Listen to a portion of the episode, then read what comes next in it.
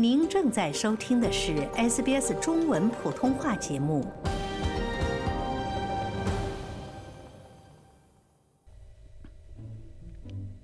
在今年澳大利亚日公布的2024澳大利亚年度人物获得者是黑色素瘤领域的两位专家，而黑色素瘤是皮肤癌的一种。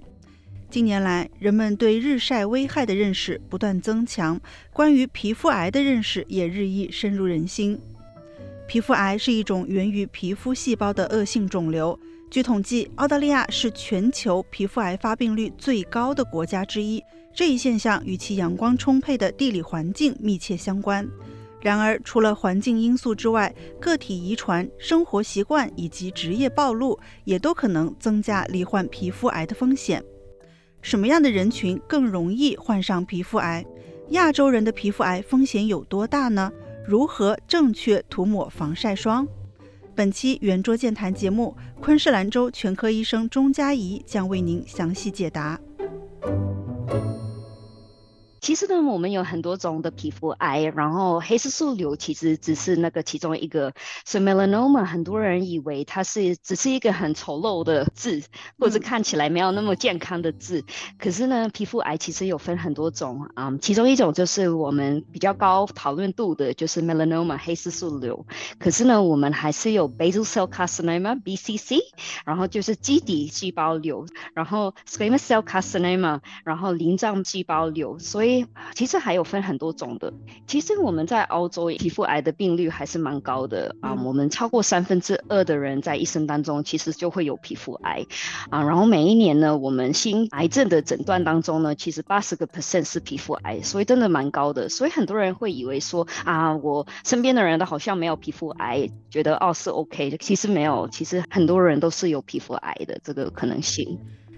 在悉尼有皮肤癌治疗资质的全科医生艾哈迈德·哈桑宁博士说：“过度暴露于来自太阳的紫外线 （UV） 辐射会导致皮肤细胞的 DNA 损伤。”他说：“当紫外线照射到皮肤上时，它开始改变最表层细胞的 DNA。如果身体内部的 DNA 修复机制没有修复这种损伤，有缺陷的细胞就会开始扩散，引发细胞的异常生长，最终变成癌症。日复一日，年复一年，癌细胞开始进化。无论是较轻的癌症、早期的癌症，还是中度和可能危及生命的癌症，三分之二的人一生当中都可能患上皮肤癌。那我们为什么一点意识都没有呢？嗯，可能因为我们亚洲人很多时候呢都很着重于防晒，或者是比较会待在我们啊室内会比较多。可是啊，澳洲人很多时候他们的活动都是在啊那个室外的，就是 everything's in the sun。就是当你只是早上涂防晒的话，你到下午其实就已经那个功效就已经没了，所以很多人就会有这个皮肤癌。其实晒黑跟我们有没有皮肤癌，其实它未必是等号。不是当你晒伤、当你晒红、晒黑的时候，你才会有。皮肤癌的风险，因为我们那个皮肤有多少的 UV radiation 晒到上去的时候，就是代表它是有那个 accumulative 的 UV radiation，它这样子加起来，它未必每一次都会让你晒红脱皮。你其实只是有一点点晒到皮肤，然后可是那个 UV radiation 是很常有的话呢，你都会有皮肤癌这个风险。特别是在我们嗯皮肤诊所，我们会发现，就是开车的人，然后你坐在哪一边，就是有嗯有太阳普晒的时候呢，那一边就会比较容易有皮肤癌。然后你就会觉得，哦，我坐在车里那个 windows 明明是 tinted，不是应该挡掉很多的 UV radiation 吗？可是我们每一天可能大概有一个小时都在开车，然后每一天这样子的话，你其实在澳洲这个 UV radiation 加起来也是蛮大的。嗯，那什么样的人更容易患？上皮肤癌呢？其实啊，每个人都会有机会患皮肤癌，可是有一些啊遗传啊，或者是环境的因素会增加我们可以有这个皮肤癌的风险。啊，男生会比较容易有，然后四十岁以上的人也会比较容易有。嗯，皮肤比较浅的，或是比较容易有啊那个雀斑的，啊也会比较容易有皮肤癌，因为我们吸光会比较容易。然后在太阳底下，我们比较容易泛红的人，或是比较容易灼伤的人，也会比较。容易中这个皮肤癌。嗯，当然，嗯，如果我们是啊暴露在那个高紫外线的底下，嗯，也会比较容易中，特别包括户外工作者吧。对对，因为他们没有办法，就是不停的补防晒，或是戴太阳镜啊，或者是太阳帽，常常戴这样子也很热。有些人啊，脸上或是身体上有很多痣的，然后他不是常常会看医生去做检查的，嗯，也会比较容易有。嗯，然后澳洲人，for example，嗯，嗯，头发是金色的或是红色的，嗯，眼睛是蓝色或是绿色的，嗯，也会比较容易有这个皮肤癌的风险。当然，嗯，有些人啊，免疫力比较弱的，或者是他自己本身就已经有过皮肤癌，或者是家族有人有过皮肤癌的，这一些都是高危险的人群啊。那刚才你说到，包括像金色头发，然后眼睛颜色比较淡的，容易得皮肤癌。那我们亚洲人会不会比较不那么容易患上皮肤癌呢？嗯，相对来讲是的。我们有一个东西叫 Fitzpatrick Scale，然后 Fitzpatrick 呢就是 Type One to Type Six。Type One 呢就是那个皮肤很白，然后都是金色的头发，或者是啊蓝色或是绿色眼睛的一些人群。然后 Type Six 就是很黑很黑的那一种黑种人。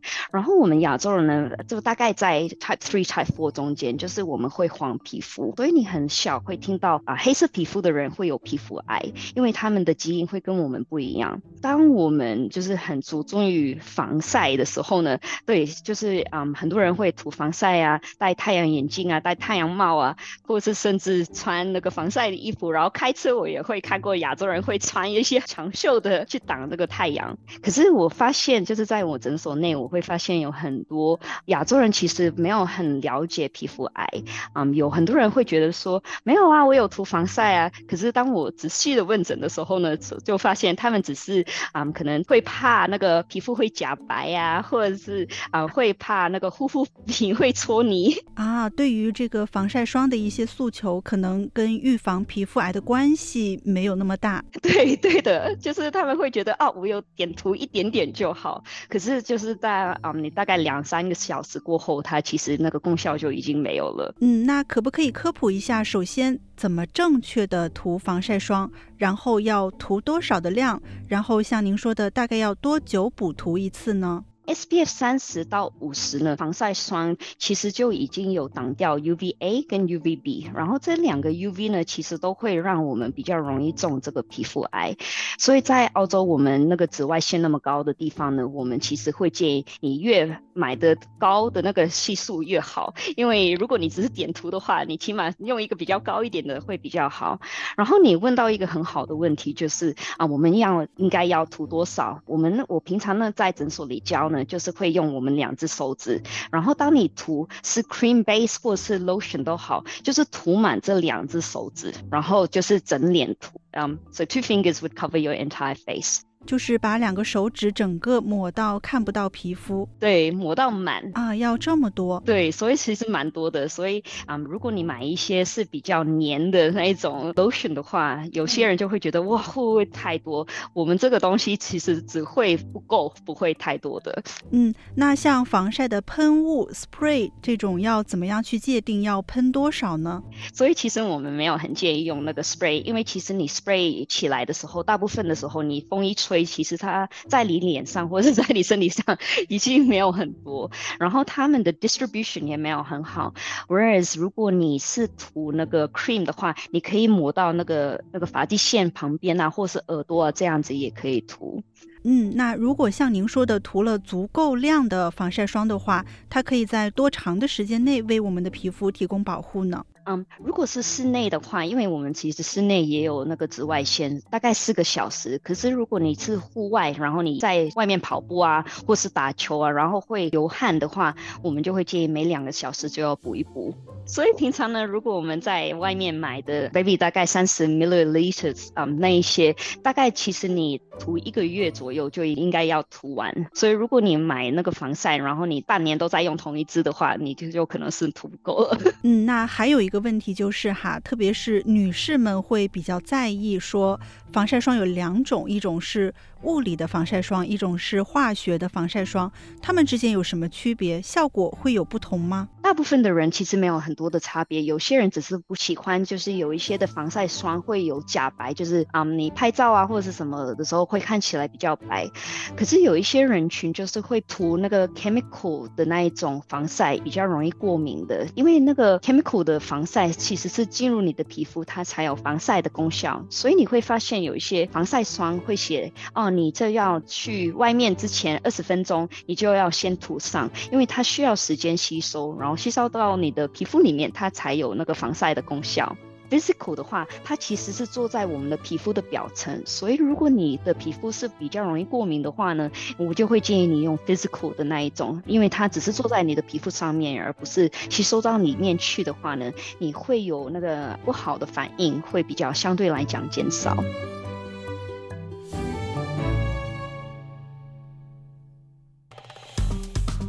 喜欢、分享、评论。欢迎您在 Facebook 上关注 SBS 普通话页面。